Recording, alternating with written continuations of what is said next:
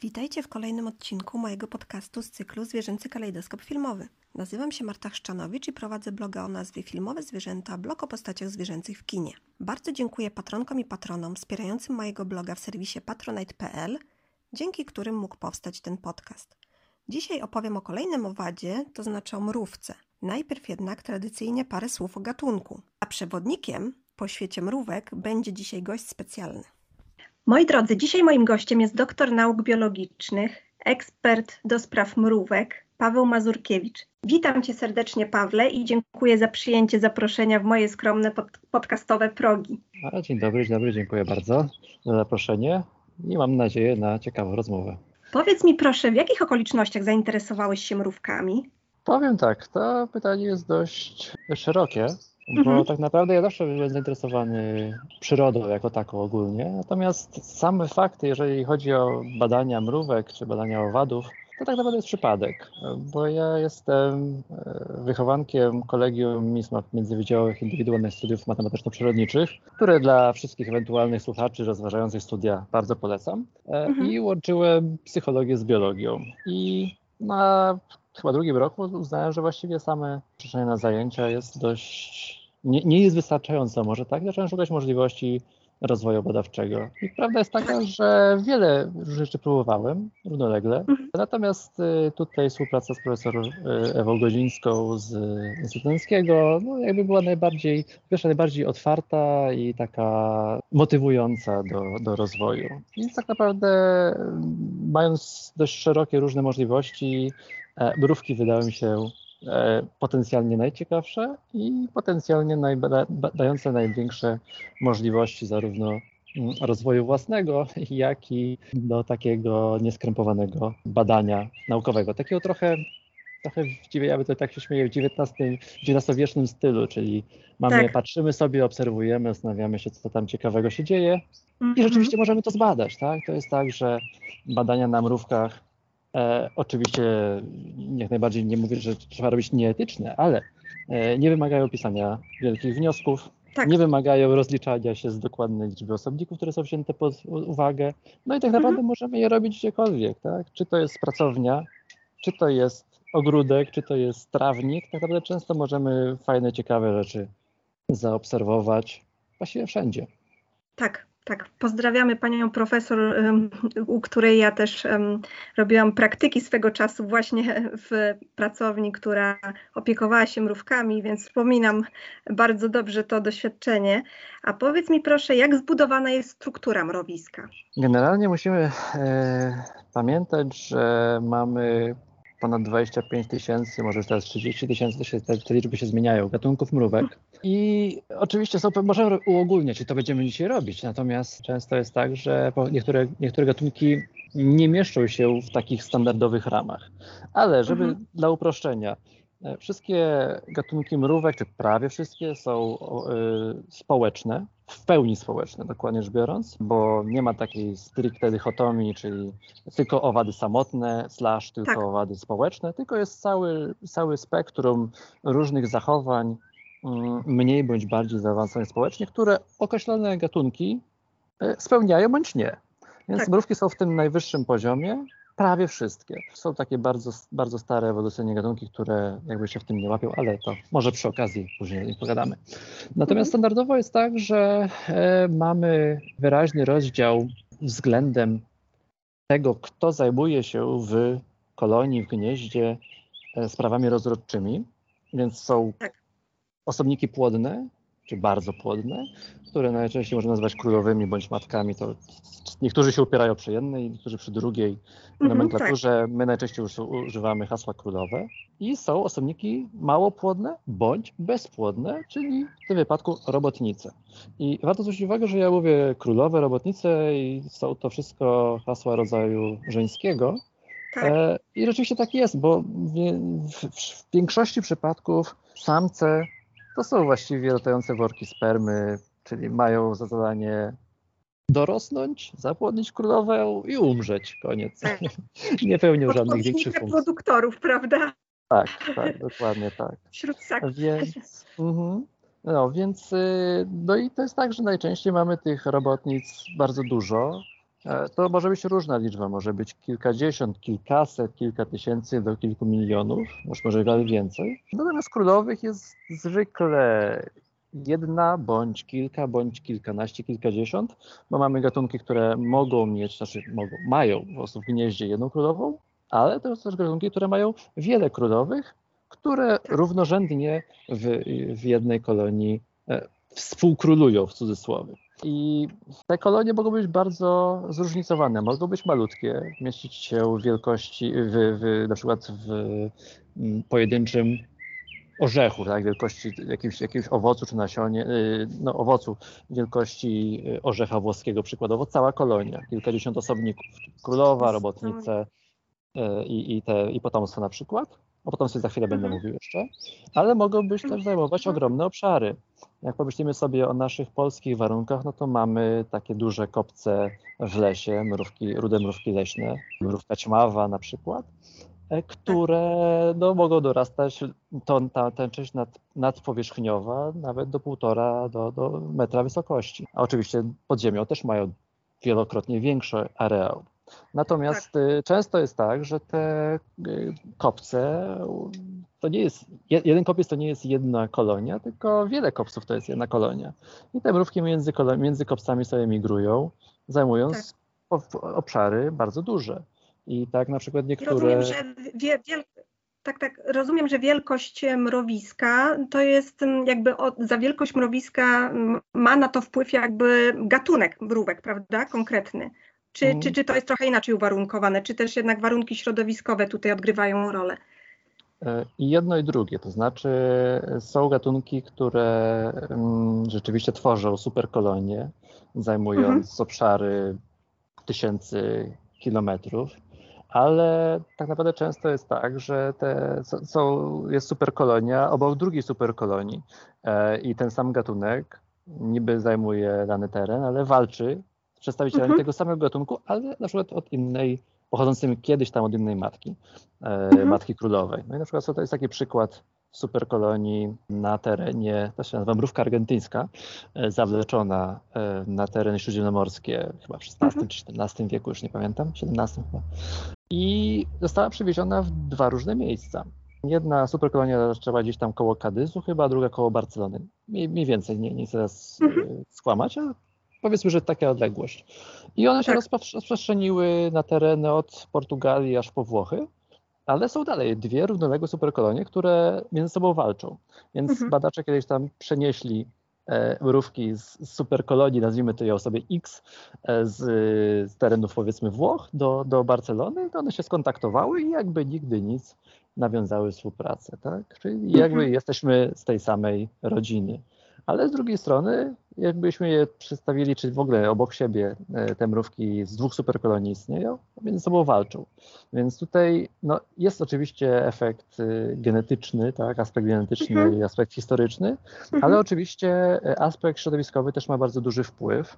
E, jeżeli mamy masę pokarmu dostępnego ad libitum, każdy może wziąć ile chce, mrówki tak. będą minimalizować ryzyko walki czy, czy, czy, mhm. czy śmierci, jeżeli mhm. nie ma o co walczyć. Tak? Natomiast jeżeli jest y, środowisko ubogie, no to mhm. gatunki, które, które na nim występują, będą toczyć ze sobą silne boje. Do tego stopnia też środowisko może warunkować sposób życia kolonii, że mrówki z różnych gatunków, z tego samego gatunku, ale z różnych środowisk, siedlisk, mhm. będą miały inne taktyki.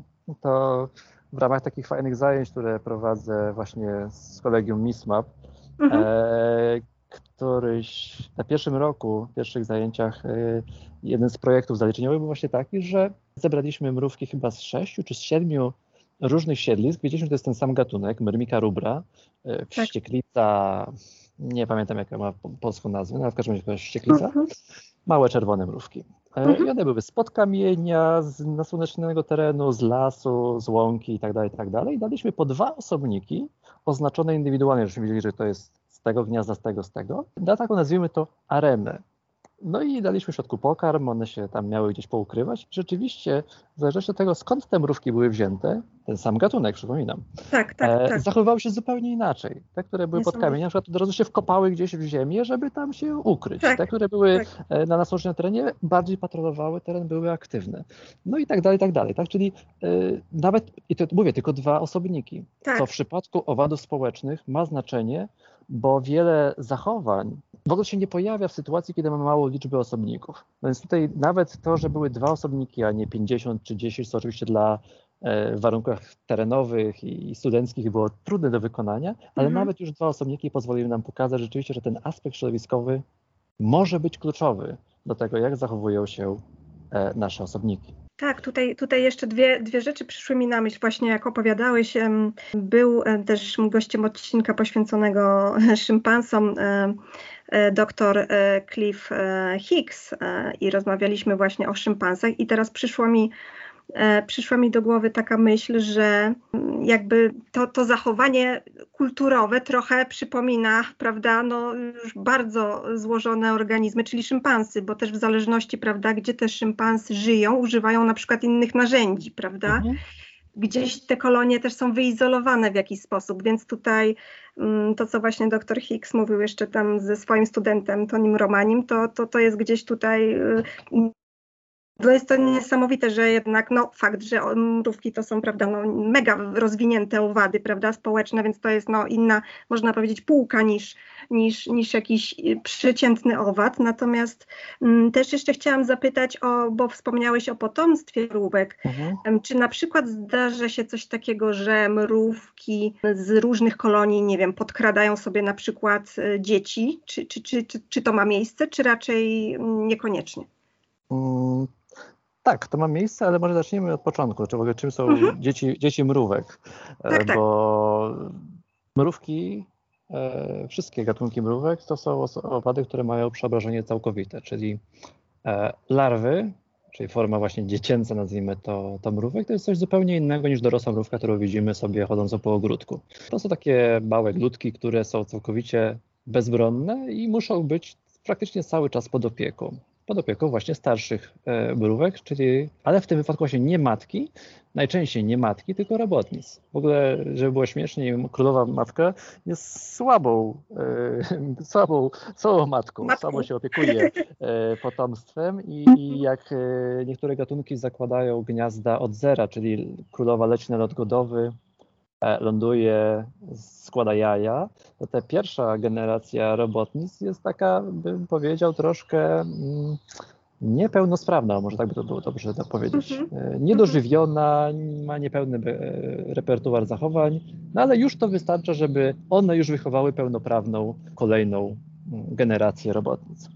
No więc właśnie, ale y, ważne jest to, że, że opieka nad potomstwem dotyczy, znaczy opieka nad potomstwem zajmują się nie matki, tylko siostry, a czasami wręcz osobniki mało bądź w ogóle e, spowinowacone z, Mhm. e, z tym potomstwem. Więc jednak tu jakby e, jest to troszkę inaczej niż, niż standardowo nam się wydawało, tak, że mamy matkę, opiekuje się dziećmi, dzieci dorastają, zakładają nowe rodziny, skłamy opiekują się itd., itd.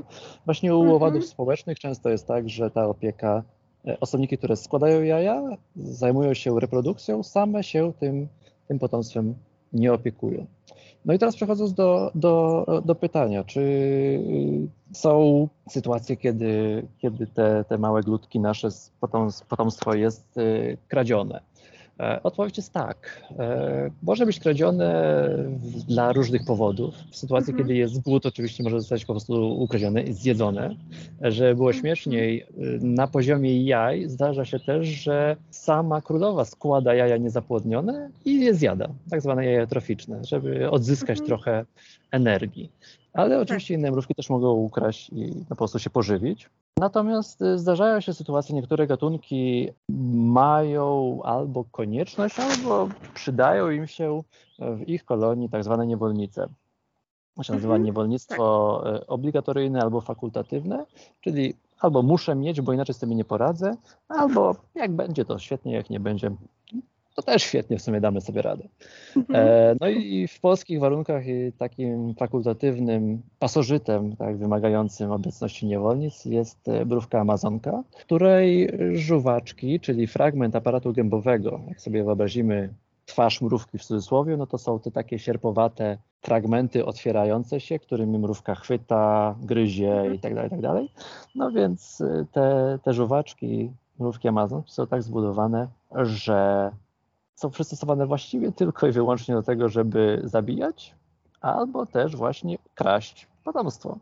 Te mrówki same sobie nawet bardzo nie potrafią się same nakarmić, potrzebują obecności niewolnic, żeby te je karmiły. No i rzeczywiście jest wtedy tak, że mrówki atakują inne gniazdo.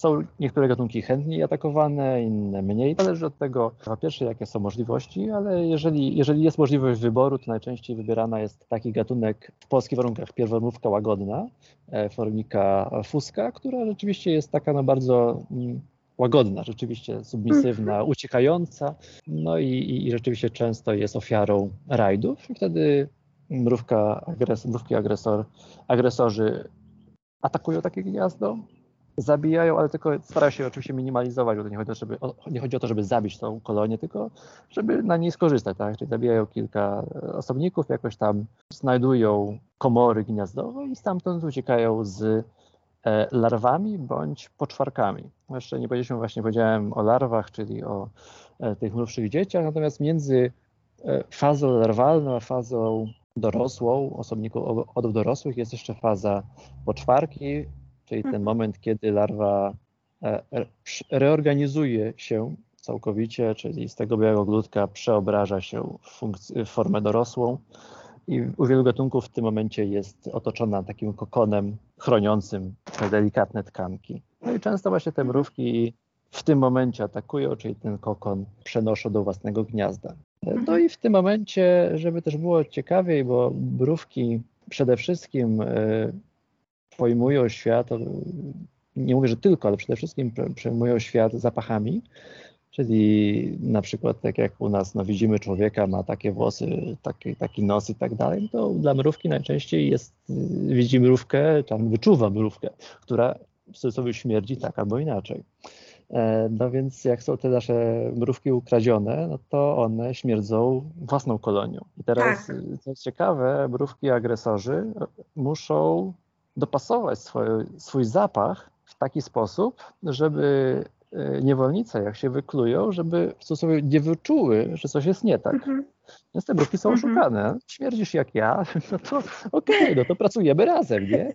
I jakby trzeba karmić, tak. bo to jakby te mrówki, znaczy ogólnie normalnie w kolonii są także są mrówki, które siedzą w gnieździe, nie wychodzą za bardzo, pełnią funkcję opiekunek, są młodsze. No, królowa też jest karmiona, w ogóle nie wychodzi, jeżeli nie musi na, na zewnątrz.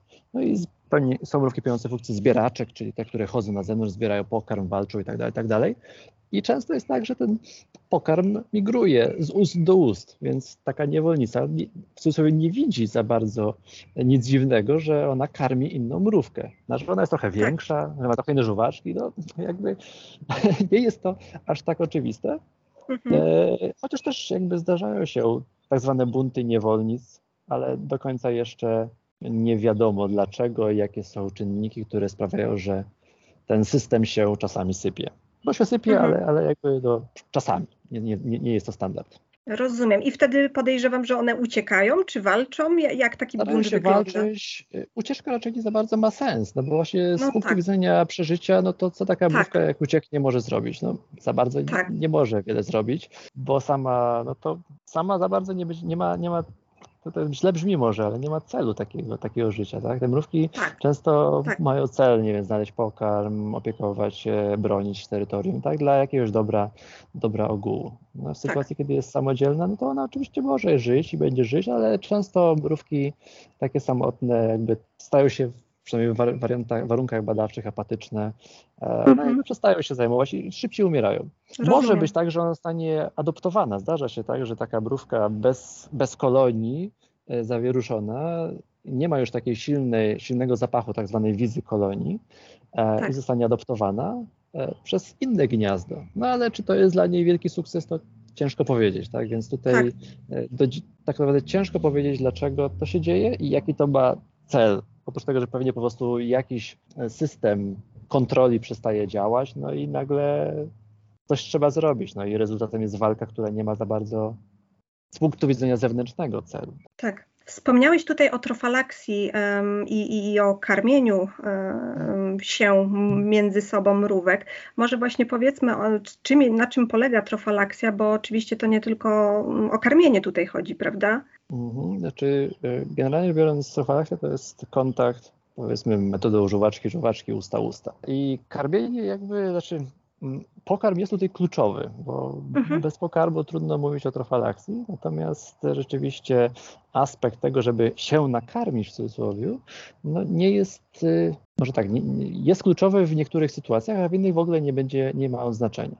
Pokarm mhm. w tym wypadku, y, no może być oczywiście tak, że mrówka jest głodna i mówi nakarm mnie, otwiera żuwaczki i druga przychodzi i rzeczywiście oddaje pokarm oddaje pokarm z żołądka społecznego, z takiego, nazwijmy to, wola, które ma w odwłoku. Mhm. Natomiast, mhm. no i oczywiście przekazuje pokarm, no i mrówka jest nasycona, fajnie idzie dalej. Ale może być też tak, że ten y, pokarm jest tylko nośnikiem informacji, czyli Mamy nasze, nasze mrówki, które się kontaktują, dotykają się tam czułkami, sczytują z siebie różnego, y, różne, różne informacje chemiczne. Mhm. Na czułkach mają chemoreceptory, które pozwalają im sczytywać informacje środowiskowe, ale także informacje społeczne. E, no i jakby może być też ten kontakt pogłębiony, pogłębiony właśnie na zasadzie trofalaksji, czyli do kropelki pokarmu dołączane są różnego rodzaju e, substancje chemiczne, które dla mrówki mają znaczenie informacyjne. I takie mhm. mrówki mogą sobie w tej trofalakcji być, a pokarm, ta kropelka pokarmu, niewielka jej ilość, może sobie migrować z ust do ust wielokrotnie, do której są dołączane dodatkowe informacje. Więc te mrówki jakby dowiadują się na przykład, nie wiem, że jest jakaś rzecz, którą warto zrobić, jest właśnie na przykład źródło pokarmu takiego, a mhm. takiego, mhm. trzeba gdzieś mhm. dojść tak czy inaczej. W trakcie tej trofalakcji może dojść rzeczywiście do wielu, wielu, wielu informacji. No i tutaj mówimy o takim kontakcie dwóch mrówek z tego samego gniazda, z tej samej kolonii, gadających o powiedzmy rzeczach przyjaznych. Ale może być też tak, mhm. że trofalakcja będzie zachodzić między gatunkami, które no, nie są ze sobą przyjazne. Co ona wtedy znaczy? No, może być tak, że na przykład mrówka słabsza, nazwijmy to, poddaje się i daje taką daninę pokarmu, tak? tak. No, nie, nie zabijaj mnie, ja cię tutaj na, sobie nakarmię, tak? I ta druga mrówka jest jakby korzysta z tego, mrówka agresor z tego korzysta. Co ciekawe, często jest tak, że na przykład nawet w tym samym kolonii, czy jak w tak się badam, że obserwujemy, jest mrówka bardzo pobudzona, inne do niej przychodzą i właśnie poprzez trofalaksję często ją uspokajają. Ciężko mhm. powiedzieć, czy, czy to jest tylko tak, że ona jakby jest uspokajana przez sam fakt jedzenia, czy raczej, to pewnie jest bardziej prawdopodobne, dołączane są informacje na zasadzie spokojnie, my tu jesteśmy, jest, jest bezpiecznie, my wiemy, że to jest bezpiecznie, tak? I ta mrówka rzeczywiście, mhm. pobierając pokarm, zbiera te informacje, no i jakby dowiaduje się o środowisku. Co żeby mhm. też było ciekawie, warto też dodać, że po trofalakcji, czyli po tej, po tej wymianie informacji, mrówki często też przechodzą do czyszczenia się, do, o, o, przesuwają po między, znaczy przez aparat gębowy przesuwają odnóża, potem tymi nóżami przejeżdżają po czułkach, po głowie, mhm. po oczach. Mhm. E, czasami też zwijają się taką kulkę, czyszczą sobie odwłok. No i prawdopodobnie z dużym prawdopodobieństwem w wielu sytuacjach jest, sytuacjach jest tak, że rozprowadzają nowe informacje na swoim własnym ciele, po to, żeby mhm. idąc dalej, przechodząc, inne mrówki już nie musiały wchodzić w pełną trofalakcję z nimi, tylko mogły sczytać informacje właśnie na zasadzie kontaktu czułkowego czy kontaktu z ciałem i na przykład dołączyć do pochodu po jakiś pokarm albo nie wiem, zajęcia się jakąś konkretną działalnością w mrowisku. Rozumiem. Czy mrówki widzą kolory? Bo to mnie zawsze zastanawiało, no bo są owady, prawda, które, dla których jest to jakaś informacja ważna, ale czy, czy u mrówek jest tak samo?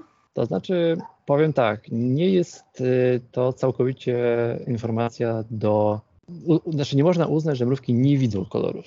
Są różne mhm. badania i ja to bym tak zażartował, że mrówki troszkę, troszkę są jak, jak mężczyźni widzą dwa kolory, tak? jak w tym żarcie, tak? czarny i, i, każdy wie jaki. No, no nie do końca czarny, znaczy generalnie u mrówek wiadomo, że, że widzą UV, a z tymi innymi kolorami to jest trochę ciężko. Mm, różne tak. publikacje mówią zielony, może, może niebieski, może czerwony, natomiast ciężko powiedzieć, czy to jest realnie widok koloru, czy może zmiana natężenia światła, tak? w jaki sposób tak. to odbierają. Więc tutaj mhm. nie ma jednego spójnego, e, spójnego faktu, e, znaczy spójnego, nie wiem, twierdzenia, że jest konkretnie tak. Prawdopodobnie jest tak, że różne gatunki mają w różny sposób. Warto powiedzieć, że są gatunki, które są wręcz ślepe, tak? nie, mają, nie mają oczu, żyją pod ziemią i im oczy są właściwie niepotrzebne. A żeby było jeszcze śmieszniej, to ślepe są robotnice. Natomiast królowe, jak latują na, które lecą na odgodowy i im oczy są potrzebne, to mają oczy duże i wyraźne. Nawet mhm. w obrębie różnych kast morfologicznych, bo tego jeszcze nie powiedzieliśmy, są mrówki, które, znaczy są gatunki, które mają kasty, czyli mają robotnice, które są siostrami, mhm. ale wyglądają zupełnie inaczej. E, jedne są malutkie, drugie są większe, oczywiście mają ogromne głowy na przykład, wyspecjalizowane tak. do jakichś rzeczy. No i tutaj też może być tak, że pojedyncze kasty mają większe, mniejsze oczy, bardziej precyzyjne, nazwijmy to, do określonych rzeczy, do określonych działań. Więc tej i ja jakby w trakcie, w trakcie badań, w trakcie troszkę czytania różnych informacji, coraz bardziej staram się odchodzić od takiego generalizowania. Wszystkie mrówki, czy wszystkie owady, czy jest jakaś tak, tam, tak. zawsze jest tak. Nie? Zawsze się znajdzie jakiś przykład, kiedy powiemy, a tutaj tak nie jest. Ale no mhm. no jakby z tym, z tym kolorem na pewno nie jest to dla nich najważniejsza rzecz, tak? Tutaj zapachy tak. jednoznacznie pełnią kluczową funkcję, ale jednocześnie wzrok dla mrówek może być ważny, dla niektórych gatunków wręcz jest, jest kluczowy. I to, że właśnie mówiliśmy na samym początku, żeśmy rozmawiać o tym, że to środowisko często warunkuje zachowania. No i na przykład właśnie dla mrówek, które żyją w terenach tak gorących, że często zapachy, które mrówki zostawiają, szybko wyschną i nie będzie tej mhm. informacji przez długi czas dostępnej, no to właśnie one nawigują, nawigują wzrokowo albo na podstawie tak zwanych landmarków, to z psychologii środowiskowej, obiektów znaczących, tak? Tak jak nie wiem, tak. landmarkiem dla mieszkańca Warszawy jest powiedzmy rotunda. E, tak. I, i ja nie mam myślonego pojęcia, jak się nazywa to, to rondo, które jest rotunda. Jak ktoś powie, że jest przy rotundzie, to ja będę wiedział, gdzie to jest. No i tak samo tak. dla mrówki, tak? Jest, dla tych niektórych gatunków jest tak, że jak jest drzewo, no to dla tym drzewem trzeba skręcić w lewo, tak? W jakiś sposób ona to mhm. rozpoznaje. Są też gatunki, które nazwijmy to nawigują za pomocą gwiazd, czy światła spolaryzowanego księżyca czy gwiazd, też właśnie w terenach pozwrotnikowych, często są aktywne właśnie nocą. No i tutaj badacze przenosili te mrówki do laboratorium, wyświetlali im inną mapę mapę nieba i nagle te mrówki zaczynały inaczej chodzić, tak? inaczej działać. Więc w jakiś tak. sposób rzeczywiście to dla nich jest istotne, więc one mhm. wzrokowo tutaj działają. Tak? Tak, no, tak. Mówię, ciężko jest to generalizować, ale jak myślimy sobie o mrówkach, zapach kluczowy, na kolejnych krokach właśnie światło, wzrok i dalej mhm. jeszcze słuch. Za co najbardziej lubisz te owady? Może masz jakiś ulubiony gatunek? To jest ciężkie pytanie. Mhm. Ja myślę, że ja je szanuję, prawdę mówiąc, tak naprawdę. Czy ja je lubię? Tak, myślę, tak. obserwacja jest zawsze ciekawa. No fajne tak. są takie mrówki, znaczy, no to też zawsze pytanie jest to tyle ciężkie, że pewnie z tymi gatunkami, które są w Polsce, czy nawet w terenach no, europejskich, no to jesteśmy bardzo obeznani, tak? Widzimy je, mhm. obserwujemy właściwie codziennie. Tutaj już, e, jak już dokładnie w to nie, nie, nie spojrzymy, czy nie, nie, nie zaczniemy robić jakichś wyraźnych badań, no to wydają nam się znajome. No ja, mi się bardzo podobało, jak kiedyś mi się, kiedyś byłem w Tajlandii, były mrówki tkaczki, e, tak. które mają takie bardzo jaskrawe kolory. Ja akurat widziałem te pomarańczowe, bo są jakby dwa gatunki, to są pomarańczowe, drugie są zielone. Mhm. i one mają gniazda na drzewach, a te gniazda też są dość ciekawe, bo one są spajane nicią przędną larw. Więc taka mrówka mhm. dorosła wykorzystuje niewolniczą pracę dzieci w cudzysłowie, czyli te dzieci, tak. larwy przędą nić, no i te mrówki tak. jakby tak jak, trochę jak, jak szwaczka łączą liście e, w taki sposób, żeby stworzyła się kopuła, w której one w środku siedzą no, mają tam swoje własne lokum. Mhm. to są fajne gatunki, które rzeczywiście widziałem, tak, i mogłem Tak. sobie obserwować, co, co jeszcze.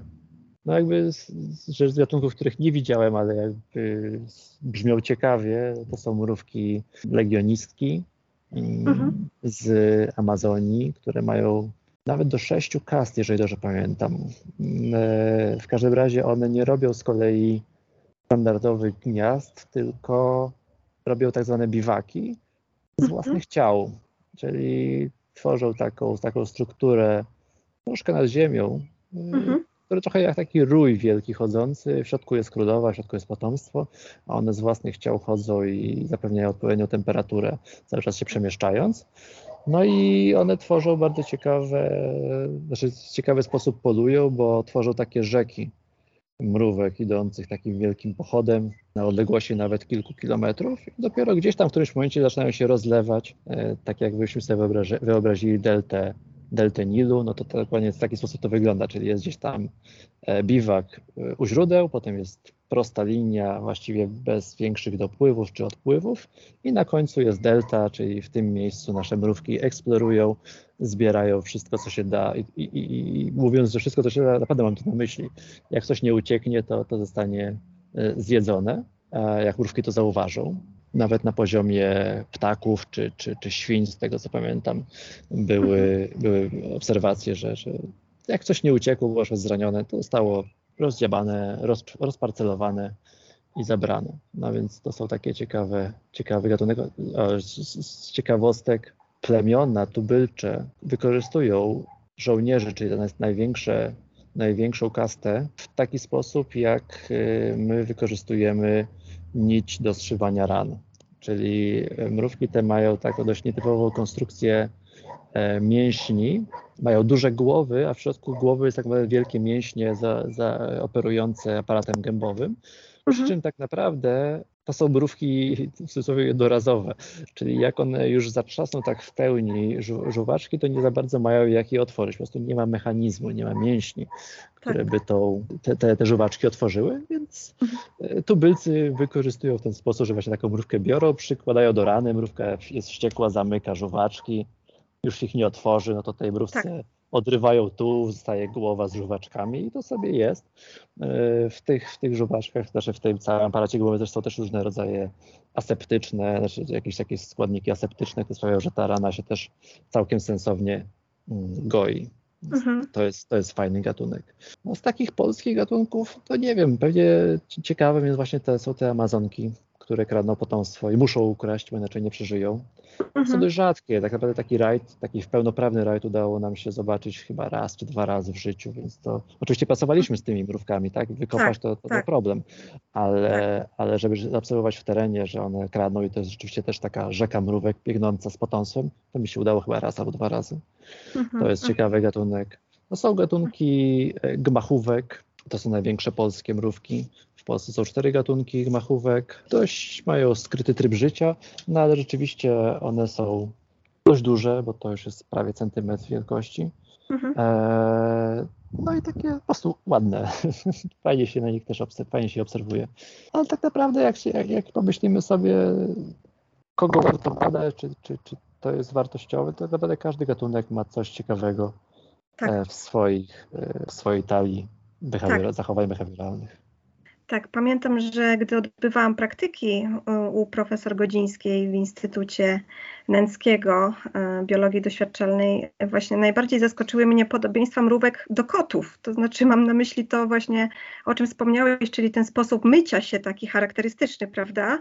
E, To, to siadanie takie, można powiedzieć, mrówka sobie siada na, na odwłoku, ale Mhm. też bardzo mnie zaciekawiło picie e, owadów, które ustawiają się obok siebie niczym e, lwy u wodopoju, prawda? Więc, więc e, no, no, no to są niezwykłe rzeczywiście widoki. A jeszcze mam takie pytanie, bo odnośnie ssaków często pojawiają się takie szkodliwe mm, dla nich stereotypy, na przykład e, mit o złym wilku, czy przekonanie, że osły są głupie. Czy w odniesieniu do owadów albo konkretnie do mrówek zdarza Ci się słyszeć coś, co całkowicie się mija z prawdą e, i z naszą dotychczasową wiedzą na, na, na temat e, tych owadów? Hmm. Nie wiedziałem, że osy są głupie, myślałem, że są uparte. Ale no, to, jest, to jest dobre pytanie. Hmm. Mhm. To znaczy, no, dużo ludzi widzi mrówki jako, jako szkodniki. No mhm. i to jest, to jest dobre pytanie, czy one są naprawdę szkodnikami, czy są, czy, czy sumarycznie bilans jest na plus. Nie było takich dobrych badań, jeżeli chodzi, na przykład, nie wiem, myślę o jakieś tam uprawy w Polsce. Nie, mamy jakieś mszyce, e, bo mrówki hodują mszyce, może to warto powiedzieć.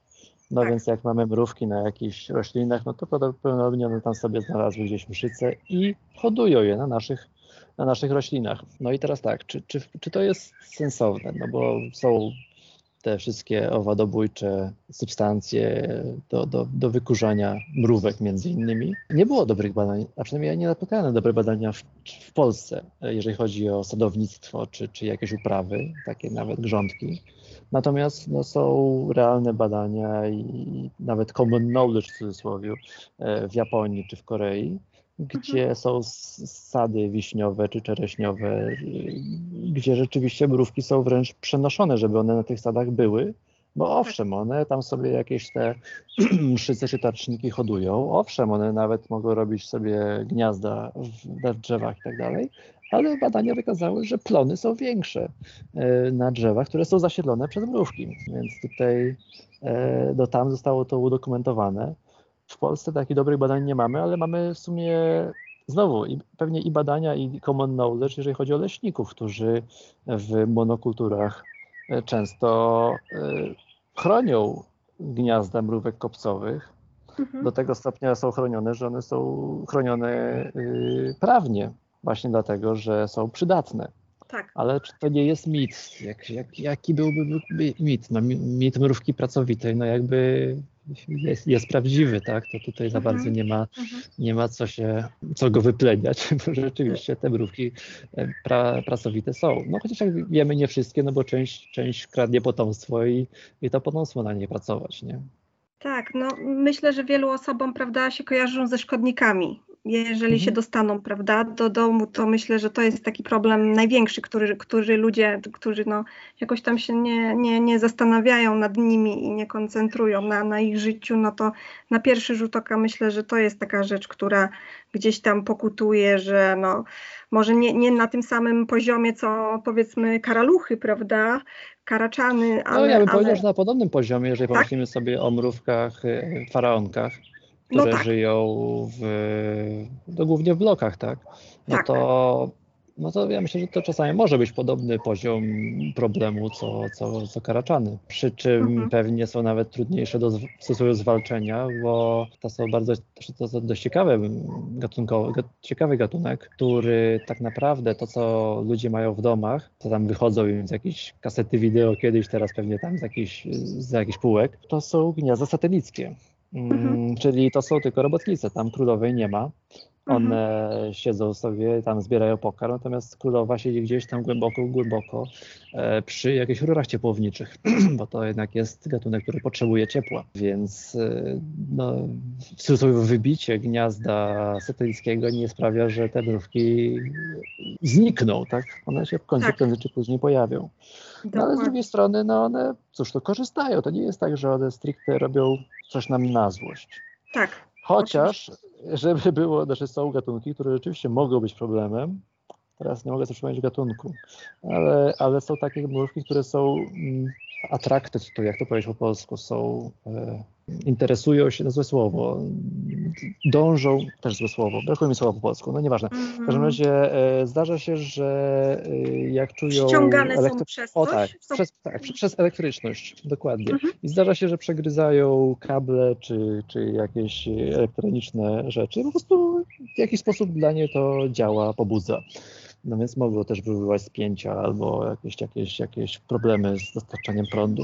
Tylko to raczej nie w Polsce. Teraz nie, właśnie nie mogę wstrzymać gatunku, więc nie chcę, nie chcę skłamać, ale mhm. jak czytelnik czy słuchacz będzie miał chęć, to wpisze, jak ktoś pisze hasła, mrówki, elektryczność powinien znaleźć. Czy zauważyłeś jakieś podobieństwa pomiędzy naszym ludzkim a mrówczym społeczeństwem? No, przychodzi mi na myśl taki przykład jak niewolnictwo, prawda, niechlubne, które kiedyś no, ludzie, że tak powiem, uprawiali, prawda? No jeszcze do tej pory się zdarza niestety, ale nie wiem, czy jeszcze jakieś takie mm, no, struktury też, prawda, struktury władzy, jakieś kasty, to też, też nam przypomina, prawda, ludzkie mhm. e, hierarchię w niektórych krajach. Mhm.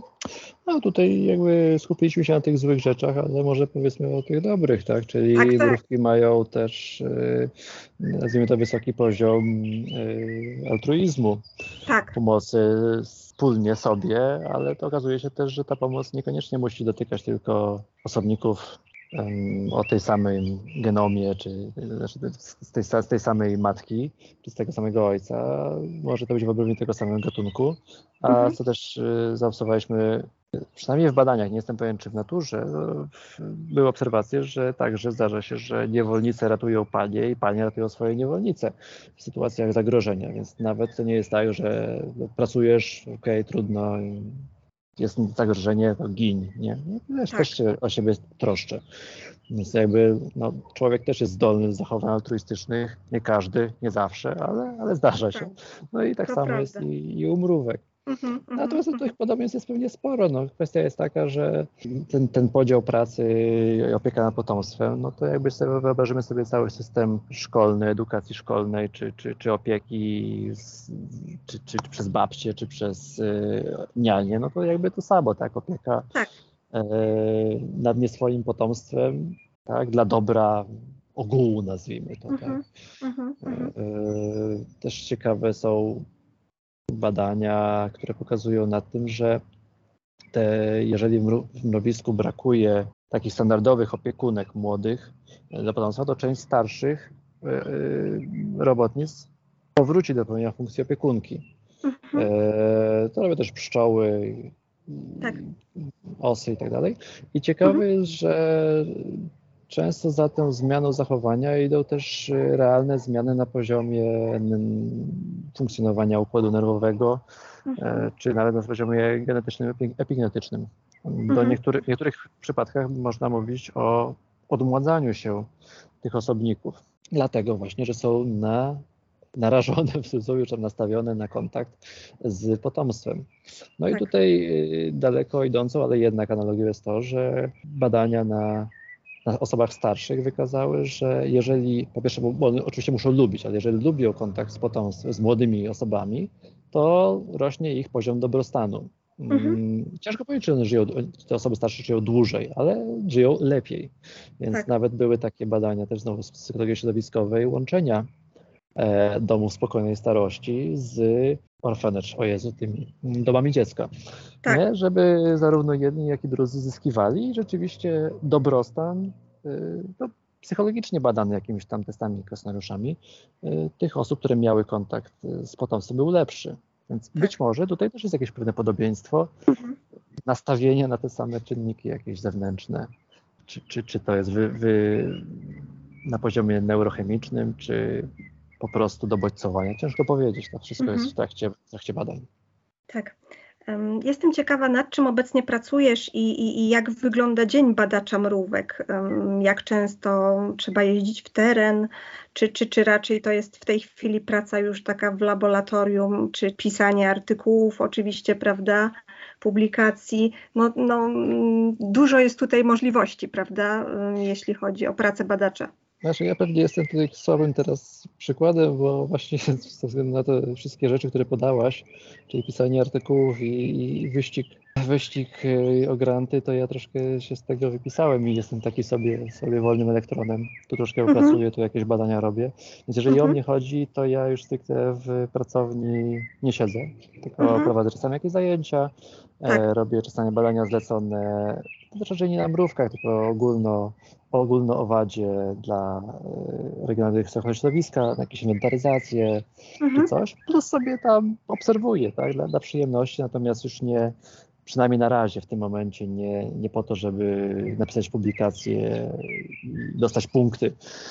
Tak. Prawdę mówiąc, o, obecna, obecne podejście, punktoza bym tak to nazwał i, i fakt, że najlepsza publikacja, jaką mogę, naprawdę świetne badanie czy coś, to, to dostanę powiedzmy 5 punktów, a ktoś inny dostanie 30, bo po prostu jego badanie jest genetyczne, czy, czy, czy na, na trendy, te, temacie trendy, to, to nie, nie, zachęca tak naprawdę do, do badania. Więc tak. ja sobie korzystam z tego, że w trakcie studiów, właśnie do tego mówiłem o tych studiach wielokierunkowych, tak. miałem możliwość rozwijania różnych zainteresowań. Teraz tak naprawdę ja się zajmuję głównie statystyką, badania. Mhm.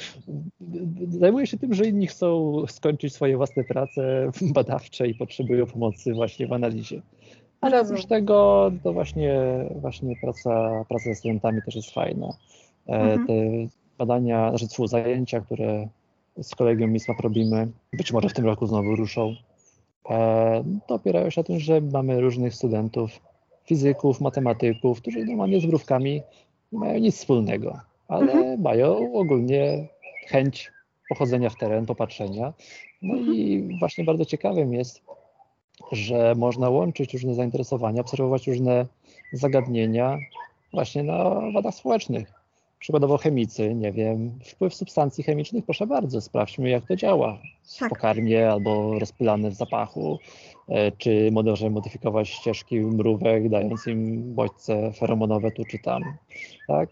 Fizyk, mhm. okej, okay, mieliśmy śmieszne badanie, że ktoś robił, indukował pole magnetyczne i sprawdzał, czy te mrówki będą inaczej się przebywać. Tak?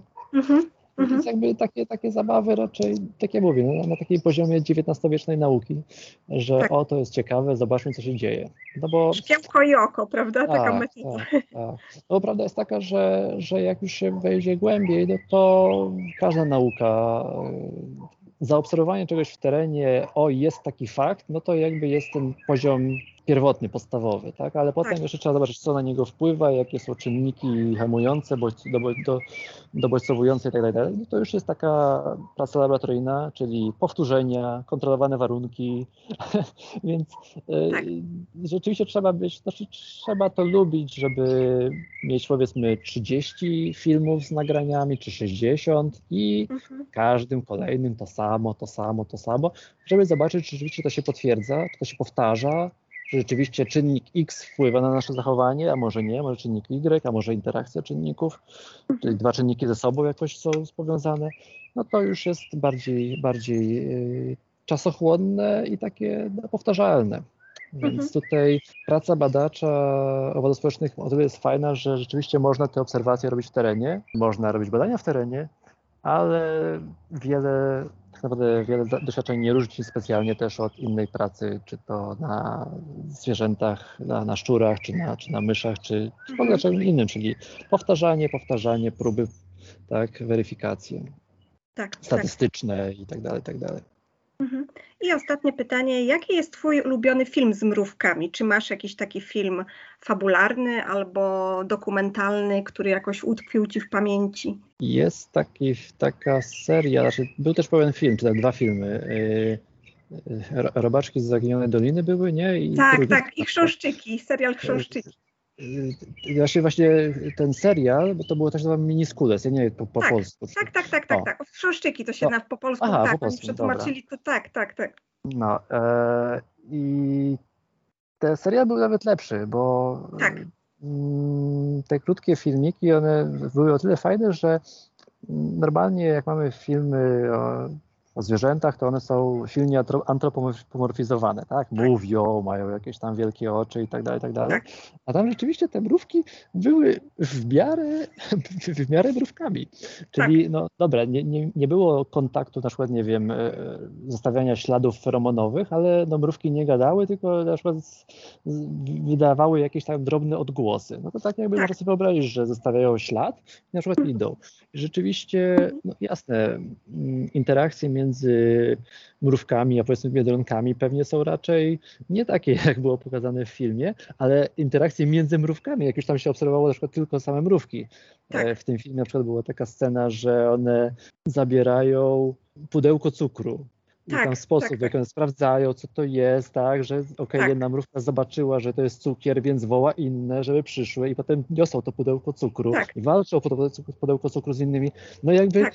jasne, to nie jest idealnie rzeczywistość, ale mhm. jest dużo rzeczy, które są fajnie odzorowane i pozwalają na takim bardzo podstawowym poziomie, żeby się zobaczyć, okej, okay, to działa inaczej, niż byśmy mogli sobie wyobrażać tak po ludzku, nie? Tak. To jest chyba ta, taki, taki, takie coś, co to mi się najbardziej podoba, tak. Mhm. Pawle, ogromnie Ci dziękuję za naszą rozmowę i wzbogacenie odcinka tyloma niezwykłymi informacjami ze świata mrówek. No naprawdę jest to fascynujące i um, myślę, że słuchacze bardzo dużo się e, dowiedzieli. Fajnie, to jeszcze, jeszcze mogę, mogę sobie tak. pozwolić na, na prywatę. Jeżeli Oczywiście. ktoś ma z, z dziećmi chciałby z mrówkami popracować, to chyba rok temu mniej więcej wyszła taka książeczka e, z serii Wszystko o. I mhm. właśnie udało nam się zrobić serię, znaczy książkę Wszystko o mrówkach. Mam 50 stron, rysunkowe, mhm. ale starałem się, żeby, żeby nadać tej książeczce jak najwięcej życia, tak żeby i, i dorośli, i dzieci się nie nudzili. Tam mhm. są i te informacje, część informacji, o których mówiliśmy teraz, część informacji innych, e, jakby takie podstawowe rzeczy, które mogą zainteresować, żeby wspólnie z, z, z maluchem, to tam pewnie 7, 8, 10 lat, pewnie taki optymalny czas, żeby sobie z tą książką usiąść i potem rzeczywiście pójść w teren, usiąść na, nad, na, na ścieżką i popatrzeć, co tam się dzieje. To taka, tak. taka drobna, drobna, e, drobne ogłoszenie, jeżeli mogę. Oczywiście. Bardzo jeszcze raz Ci dziękuję, pozdrawiam Cię serdecznie i do no. usłyszenia. Dzięki wielkie i do usłyszenia. Pozdrowienia. Mrówka w kinie. Powinnam w zasadzie powiedzieć mrówki w kinie, gdyż owady te rzadko pokazywane są w liczbie pojedynczej, a już ich antropomorfizacja możliwa jest chyba tylko w produkcjach dla dzieci. Mrówki zatem to owady społeczne, czy, by rzec językiem, którym operujemy w przypadku ssaków, stadne. Zatem w filmach zobaczymy zwykle mrowisko, wędrujące mrówki lub wdzierające się do ludzkich siedzib, gdzie traktowane są jak szkodniki. W filmach nurtu Animal Attack wyobraźnia twórców zaszalała i stąd mamy filmy o mrówkach mutantach, które nie zawahają się pożyć człowieka. Podobnie jak w przypadku innych tego typu filmów, za skażenie środowiska i zmutowanie gatunku odpowiada jednak zawsze człowiek. Sympatyczne postaci mrówek pojawiają się w filmach dla dzieci, Podkreśla się w nich jednak ich wojowniczy charakter, a także zapobiegliwość w zdobywaniu pożywienia oraz umiejętność współpracy. Mrówka w polskim kinie. Proszę Słonia, serial, odcinek drugi, pierwsze kroki, reżyseria Piotr Paweł Ludczyn i odcinek szósty, Kość Słoniowa, reżyseria Witold Giersz, Polska 1968. W drugim odcinku sympatycznego serialu na podstawie powieści Ludwika Jerzego Kerna o przygodach porcelanowego białego słonia Dominika oraz chłopca zwanego Pinio, początkowo zobaczymy dwie czerwone mrówki stojące na szczycie mrowiska. Wygrażają one pięściami czarnemu kotu o zielonych oczach, który zeskakując z olbrzymiego poza życiu witamin słonia, nieopatrznie na nie nadepnął. Następnie do Dominika podchodzi mrówka, która przedstawia się jako Fumcia. Pyta go, czy jest pomnikiem. Słoń nawet jej nie dostrzega, więc Fumcia wspina się po nim. Na prośbę Dominika zaczyna uczyć go chodzić, jednak by ona z kolei mogła zobaczyć jego postępy, musi z powrotem zejść na dół. Gdy słoń zaczyna z radości tupać, mrówka ucieka z powrotem do mrowiska. W odcinku szóstym zatytułowanym Kość słoniowa podczas porannej toalety mrówka Fumcia zostaje oblana przez Dominika wodą. Następnie zostaje prawie rozdeptana przez pędzącego do szkoły Pinia. Oburzony owad woła wtedy piskliwym głosem: Nie po ludziach, nie po ludziach, co jest bardzo zabawne. W drugiej scence z udziałem mrówek akcja toczy się nocą. Dwaj kłusownicy usiłują pozbawić śpiącego Dominika kłów, jednak Fumcia w swojej norce pod ziemią zostaje zaalarmowana przez hałas. Zwołuje zatem koleżanki, wołając najgłośniej jak potrafi. Alarm, zbiórka, dywizja do ataku. Na widok ustawionych w szeregu bojowym owadów opryszki uciekają, a na do widzenia jeden z nich zostaje ugryziony w nos. W ten sposób mrówki ocaliły kły słonia. Trzy misie, odcinek dziesiąty, przygoda z Franciszką, Reżyseria Jadwiga Kudrzycka, Polska 1983 rok. A tytułowa Franciszka to jest Pajęczyca. Pojedynczą mrówkę zobaczymy stojącą na liściu w scenie, w której borsuk nasłuchuje krzyków nawołujących o pomoc misiów uwięzionych w jaskini, której drzwi zablokowały misternie omotane wokół nich pajęczyny. W końcu zerka na owada i stwierdza, stwierdza, że z pewnością to nie on wołał i odkrywa, kto tak naprawdę potrzebuje jego pomocy. Reksio i mrówki, reżyseria Romuald Quys, Polska 1986. W odcinku sympatyczny psiak bezskutecznie walczy z plagą mrówek, która okazuje się sprytniejsza od niego i przygotowana dosłownie na wszystko. Owady korzystają, korzystają na przykład z masek przeciwgazowych oraz parasolek. Jesteśmy świadkami kolejnych prób wyswobodzenia się Reksia od gryzących intruzów. W końcu, gdy udaje już mu się je pokonać, okazuje się, że przeniosły się one tylko do domu chłopca przyjaciela Reksia i to on musi ewakuować się na podwórko, podczas gdy w domu ma miejsce dezynfekcja. Maurycy i Hawranek, odcinek siódmy Sposób na mrówki, reżyseria Dariusz Zawilski, Polska 1989. Tytułowi bohaterowie przyglądają się tej oto scence. Oto drogą nadchodzą z przeciwnych stron dwie kolonie mrówek. Mniejsze, czarne i większe czerwone. Te ostatnie zasypują dziurę w drodze gałęziami. Z naprzeciwka nadchodzą czarne mrówki, które pod chwilową nieobecność czerwonych stawiają na drodze szlapan, a na drogowskazie malują swoją podobiznę. Widząc to, czerwone mrówki wdają się z nimi w potyczkę słowną, która przeradza się w bitwę owadów. Czerwone mrówki twierdziły bowiem, że ciągle muszą naprawiać niszczoną przez czarne kuzynki drogę. Te odpowiadają im takim samym zarzutem. Co prawda w obydwu uformowanych na kształt wojska grupach znajdują się po cztery osobniki, jednak warto zauważyć, że różnią się one charakterem. Widoczne jest to w sposobie mowy. Czerwone mrówki są pewne siebie, mówią głośno i dobitnie, podczas gdy mniejsze od nich czarne są niepewne siebie.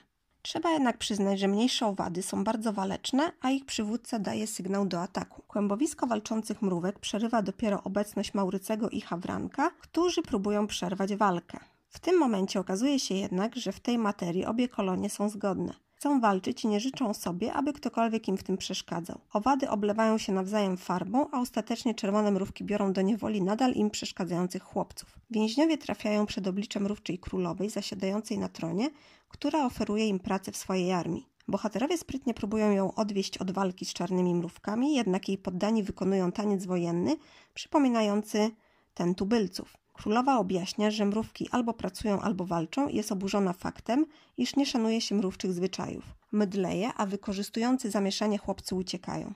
Dowódca zarządza pogoń, zaś chłopcy docierają do drugiej kolonii, której już skojarzenia są bezwstydnie oczywiste.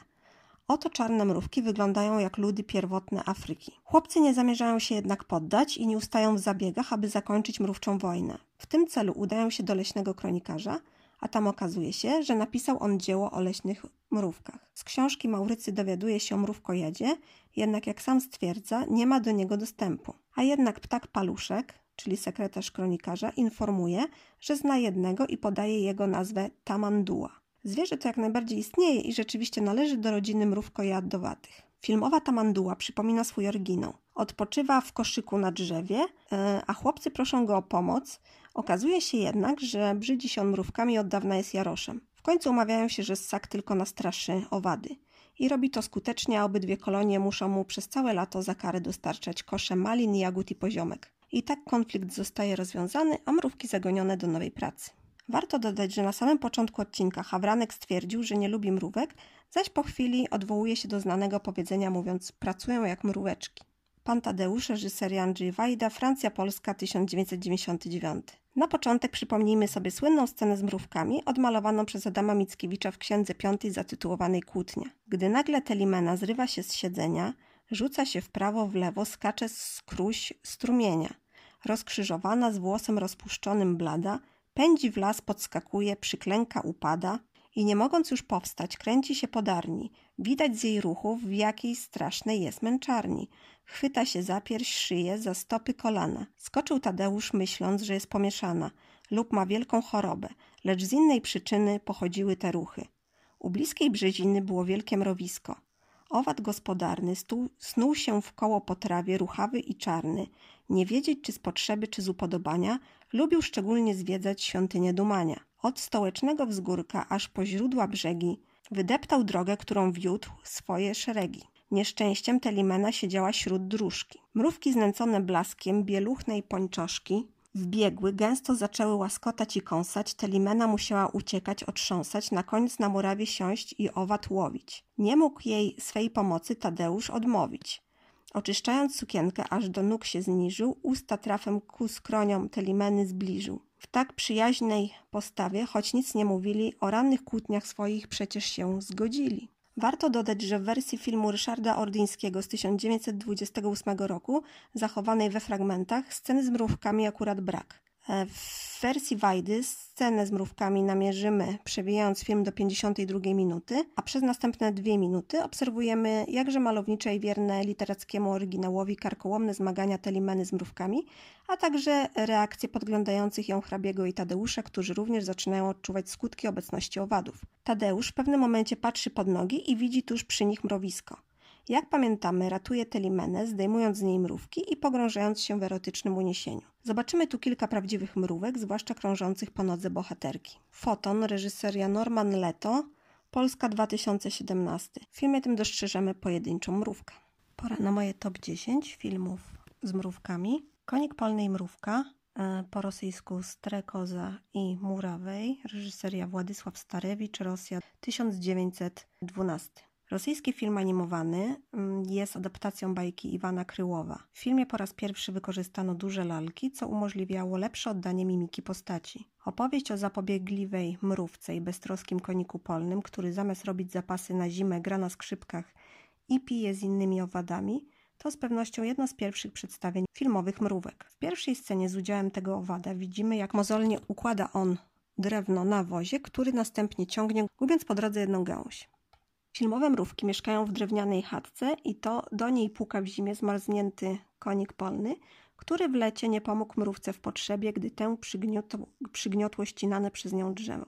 Teraz zatem owad kręci głową przecząco i odprawia z kwitkiem lekko ducha konika polnego, który zostaje tym samym skazany na śmierć. Pies andaluzyjski, czyli Un chien andalou, reżyseria Louis Buñuel, Francja 1929 rok. Można śmiało powiedzieć, że mrówki stały się kanwą do powstania tego filmu, bowiem reżyser opowiedział Salvadorowi Dalemu o śnie, w którym chmura przecięła księżyc na pół, jak brzytwa przecinająca oko. Salvador Dali z kolei, współtwórca filmu, odpowiedział, że śniła mu się dłoń z biegającymi po niej mrówkami. I właśnie z tych dwóch marzeń sennych narodził się ten surrealistyczny film, którego brak logiki rzeczywiście przypomina nasze niektóre sny. Wspomniane mrówki wyłaniają się z rany w męskiej dłoni i ujęcie to pojawia się w filmie dwukrotnie. Po raz pierwszy, gdy mężczyzna patrzy ze zdziwieniem na swoją dłoń. Podchodzi do niego kobieta i również na nią spogląda. Po raz drugi, gdy mężczyzna próbuje wedrzeć się do pokoju, a owady znowu pojawiają się na jego przytrzaśniętej tym razem drzwiami dłoni. Tym razem zaciska on pięść. Devra Taboada w artykule zatytułowanym An Andalusian Dog Surrealist Film of Dali and Buñuel, zamieszczonym w Daily Art Magazine pod datą 28 e, maja 2020 roku, zwraca uwagę na podobieństwo sceny, w której widzimy zbliżenie na dłoń bohatera, pokrytą mrówkami, do fragmentu najsłynniejszego obrazu Salvadora Dalego, zatytułowanego Trwałość pamięci z roku 1931, czyli o dwa lata y, obraz jest starszy niż film. I tutaj cytat. Tymczasem jedyny zegar o znajomym kształcie jest zakryty mrówkami wyłaniającymi się z jego środka.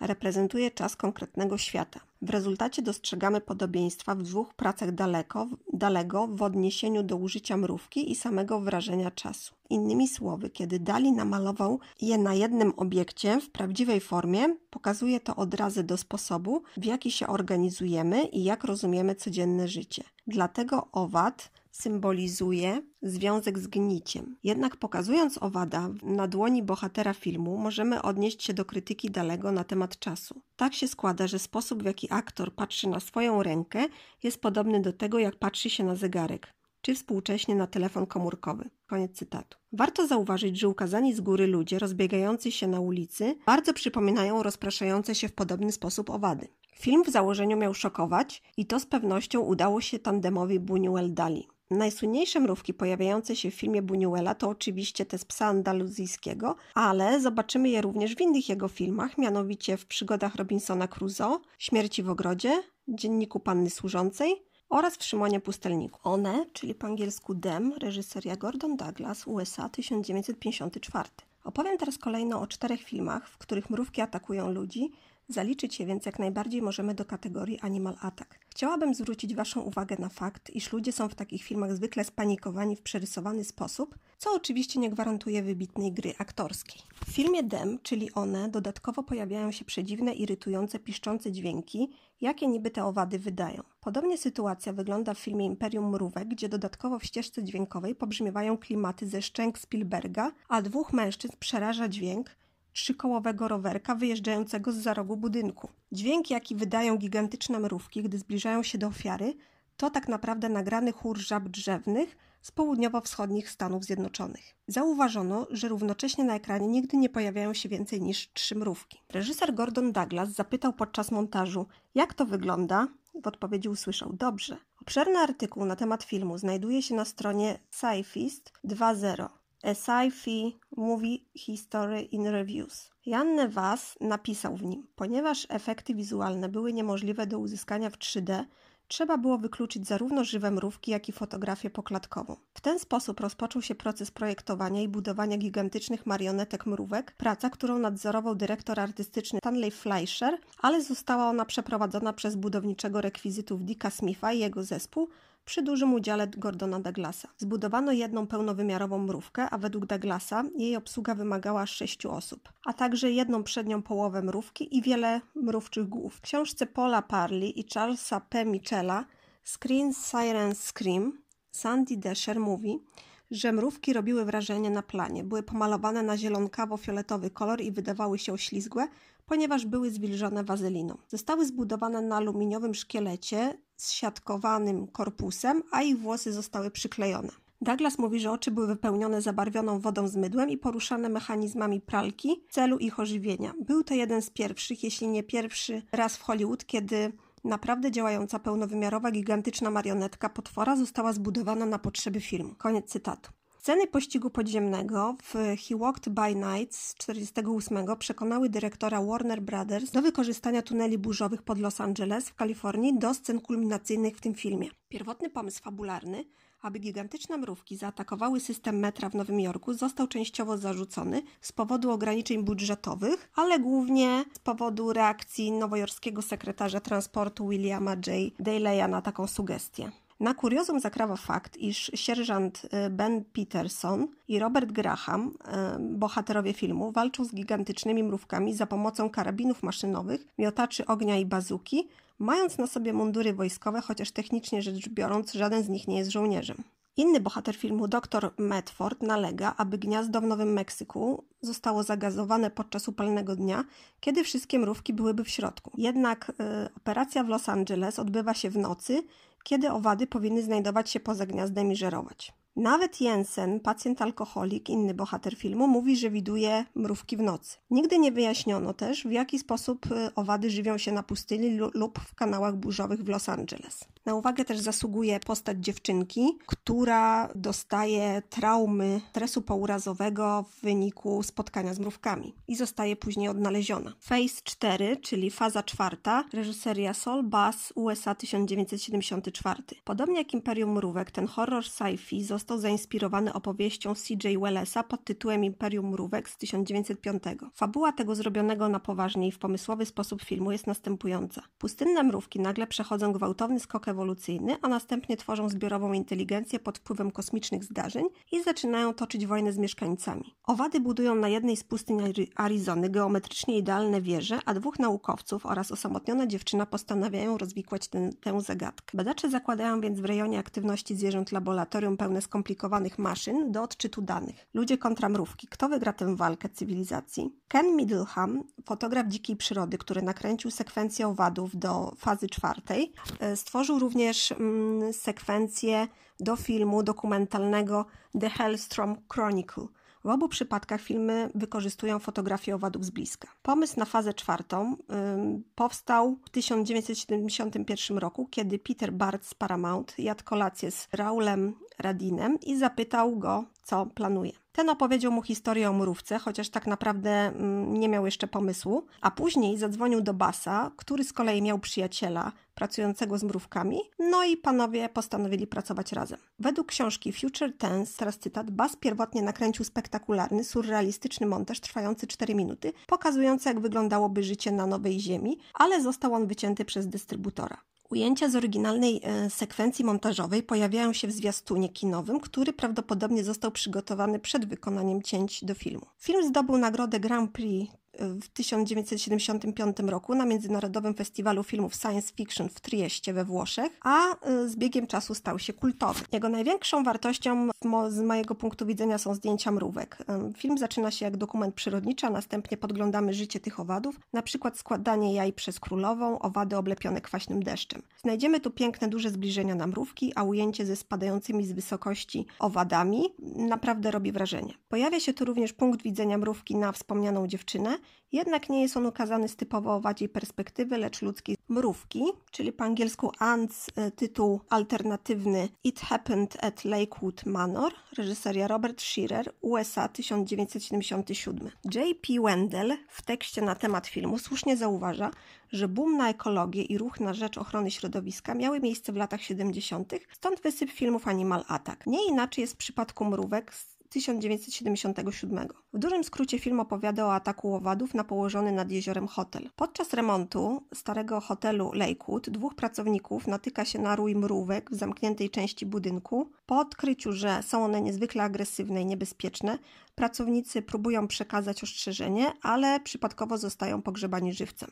Brygadzista odnajduje ich ciała i wtedy okazuje się, że zmarli oni w wyniku zatrucia. Mamy tu też inspektorkę Rady Zdrowia, a także badacza, który odkrywa, że mrówki są bardzo jadowite i odporne na środki owadobójcze. Próby powstrzymania mrówek obejmują rów wypełniony wodą, a także płonącą benzynę. Oglądając film można dojść do wniosku, że ataki mrówek były spowodowane naruszeniem przez ludzi ich spokoju poprzez roboty budowlane i zaburzenie pracy mrowiska. W filmie zobaczymy dużo żywych owadów i nie ma tu e, jednocześnie mrówek gigantów. Którzy byli faktycznie pokryci prawdziwymi mrówkami podczas swoich scen. A jedna z aktorek, Susan Somers, bała się, co prawda, ale dzielnie stawiła im czoła na planie. Imperium Mrówek, czyli Empire of Dance, reżyseria Bert i Gordon, USA 1977. Horror science fiction został bardzo luźno oparty na opowiadaniu H.G.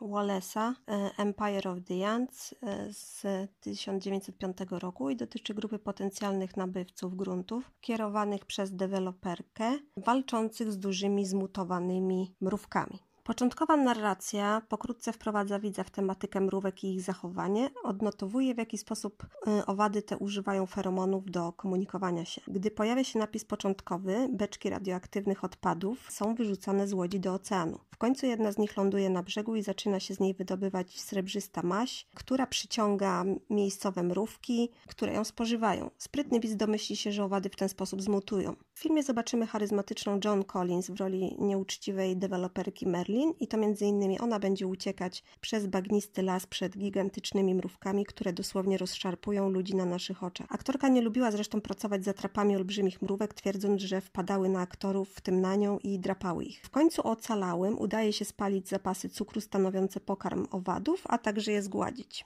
Scenarzysta, producent i reżyser Bert E. Gordon stworzył niektóre efekty specjalne dużych mrówek, robiąc powiększone zdjęcia panamskiej mrówki kuloodpornej. Jako chwyt promocyjny tego filmu kina wyświetlały farmy mrówek w swoich e, holach. Aby uzyskać efekt powiększonych e, mrówek, reżyser e, często stosował technikę ujęć procesowych, w których zbliżenia żywych mrówek łączono z obrazami aktorów na planie, reagujących na owady.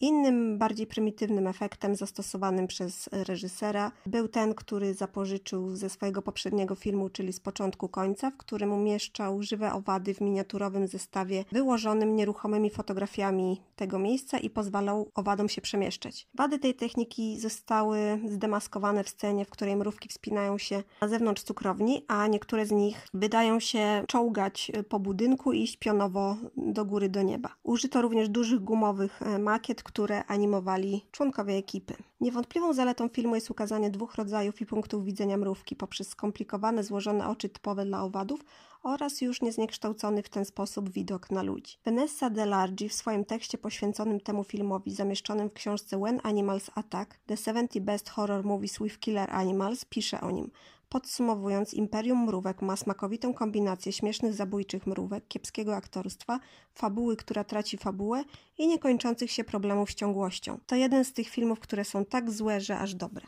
Mikrokosmos, reżyseria Claude Nurizdany, Marie Perenu, Francja, Szwajcaria, Włochy, 96 rok. Nagradzany dokument ukazuje jeden dzień z życia najmniejszych mieszkańców łąki z ich perspektywy i oczywiście w makroskopowym powiększeniu. Pijące mrówki czy owad śpiący w kielichu kwiatu, te zdjęcia z pewnością zrobiły furorę w czasach, gdy owadom nie poświęcało się jeszcze tyle uwagi co dzisiaj. Film jest zrobiony z bardzo dużą wrażliwością. W efekcie otrzymujemy punkt widzenia owadów, ich codzienne życie i zmagania. Nie będę wymieniać rozlicznych gatunków wymienionych e, w napisach końcowych, co również było i nadal jest nietypowym zabiegiem złożenia hołdu małym, dzielnym bohaterom. Do tej pory nie powstał lepszy film o owadach. Ten jest wybitny. Odkrywamy ich ludzkie oblicze, by tak rzec, codzienne troski, relacje z innymi owadami. Równocześnie film wywołuje smutek, gdyż podkreśla ulotność życia wszystkich organizmów na Ziemi, a już w szczególności efemerycznych owadów. Przejmująca i zapadająca na resztę życia w pamięć pieśń kompozytora Bruna Kule, wykonywana przez dziecko, zatytułowana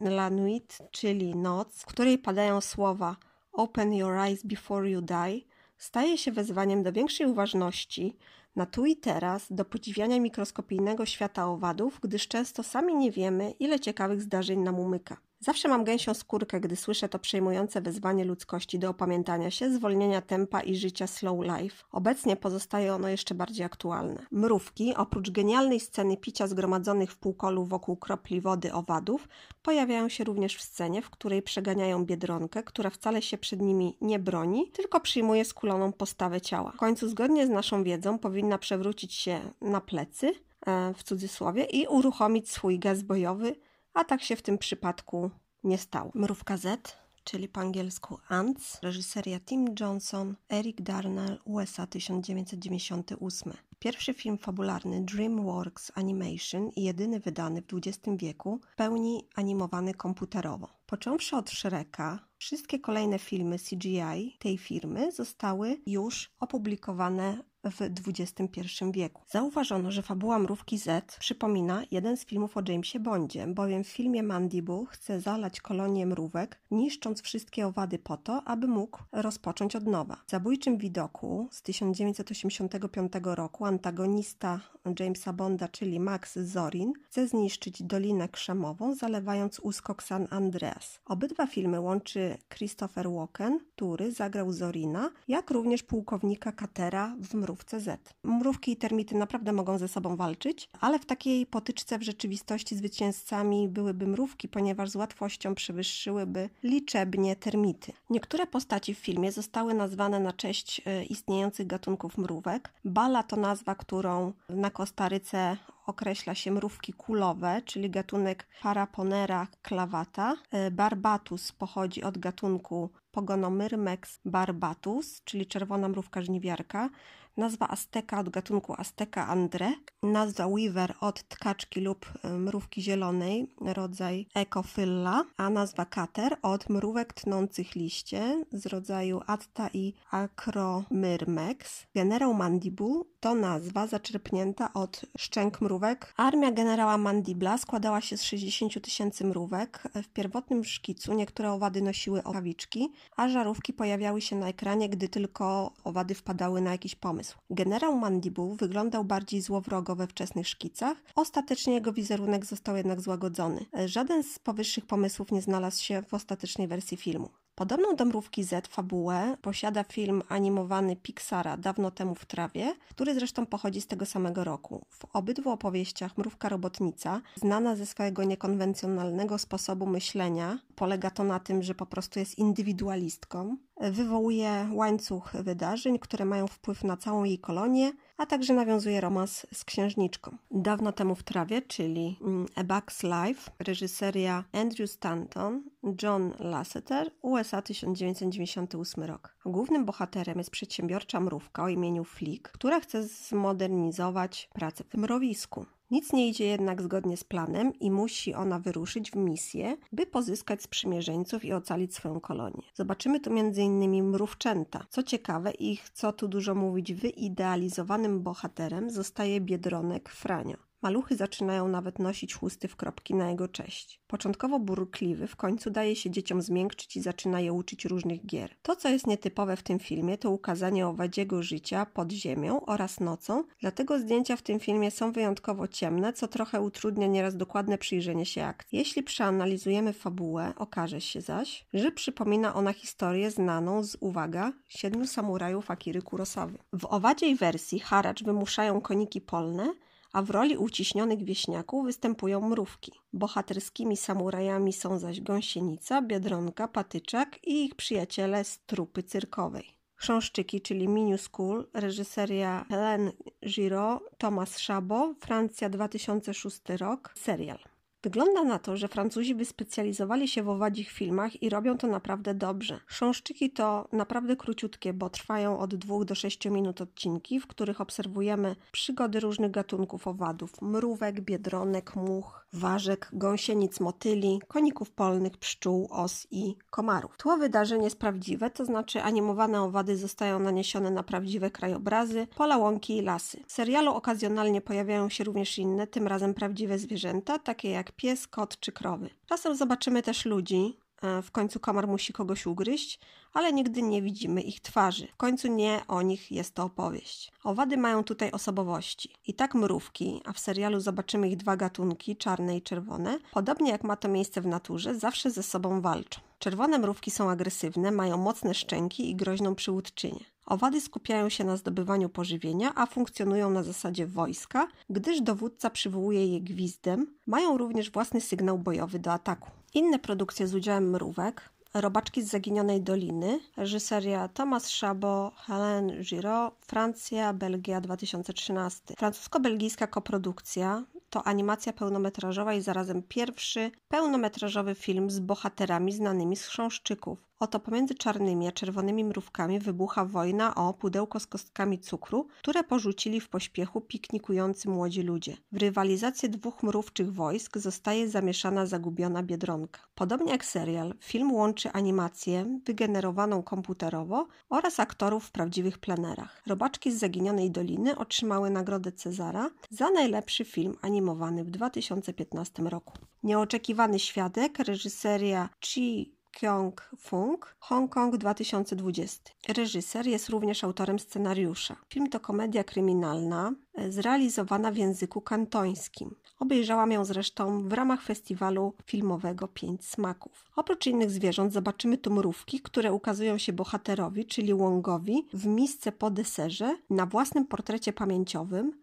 na dłoni oraz na twarzy widzianej w lustrzanym odbiciu. Jeśli chodzi o ujęcie z dłonią, od razu przypomina się analogiczna scena ze słynnego psa andaluzyjskiego e, w reżyserii Luisa Buñuela. Ostatecznie okazuje się, że owady są tylko wytworem wyobraźni Wonga.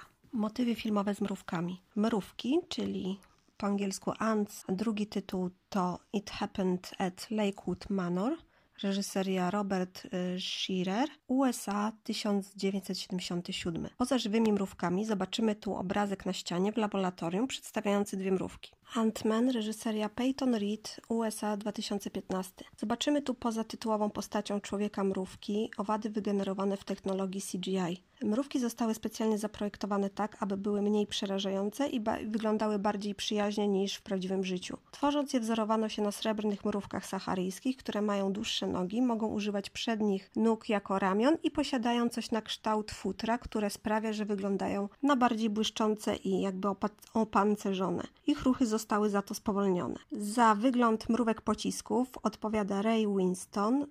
Miały one wyglądać na cięższe, a ich włosy były grubsze, aby przypominały rogi. Z ciekawostek, Michael Douglas świętował na planie swoje 70. urodziny. W hołdzie dla jego postaci i aby uczcić produkcję, ekipa podarowała mu tort urodzinowy udekorowany lukrem z mrówkami pełzającymi po taśmie filmowej.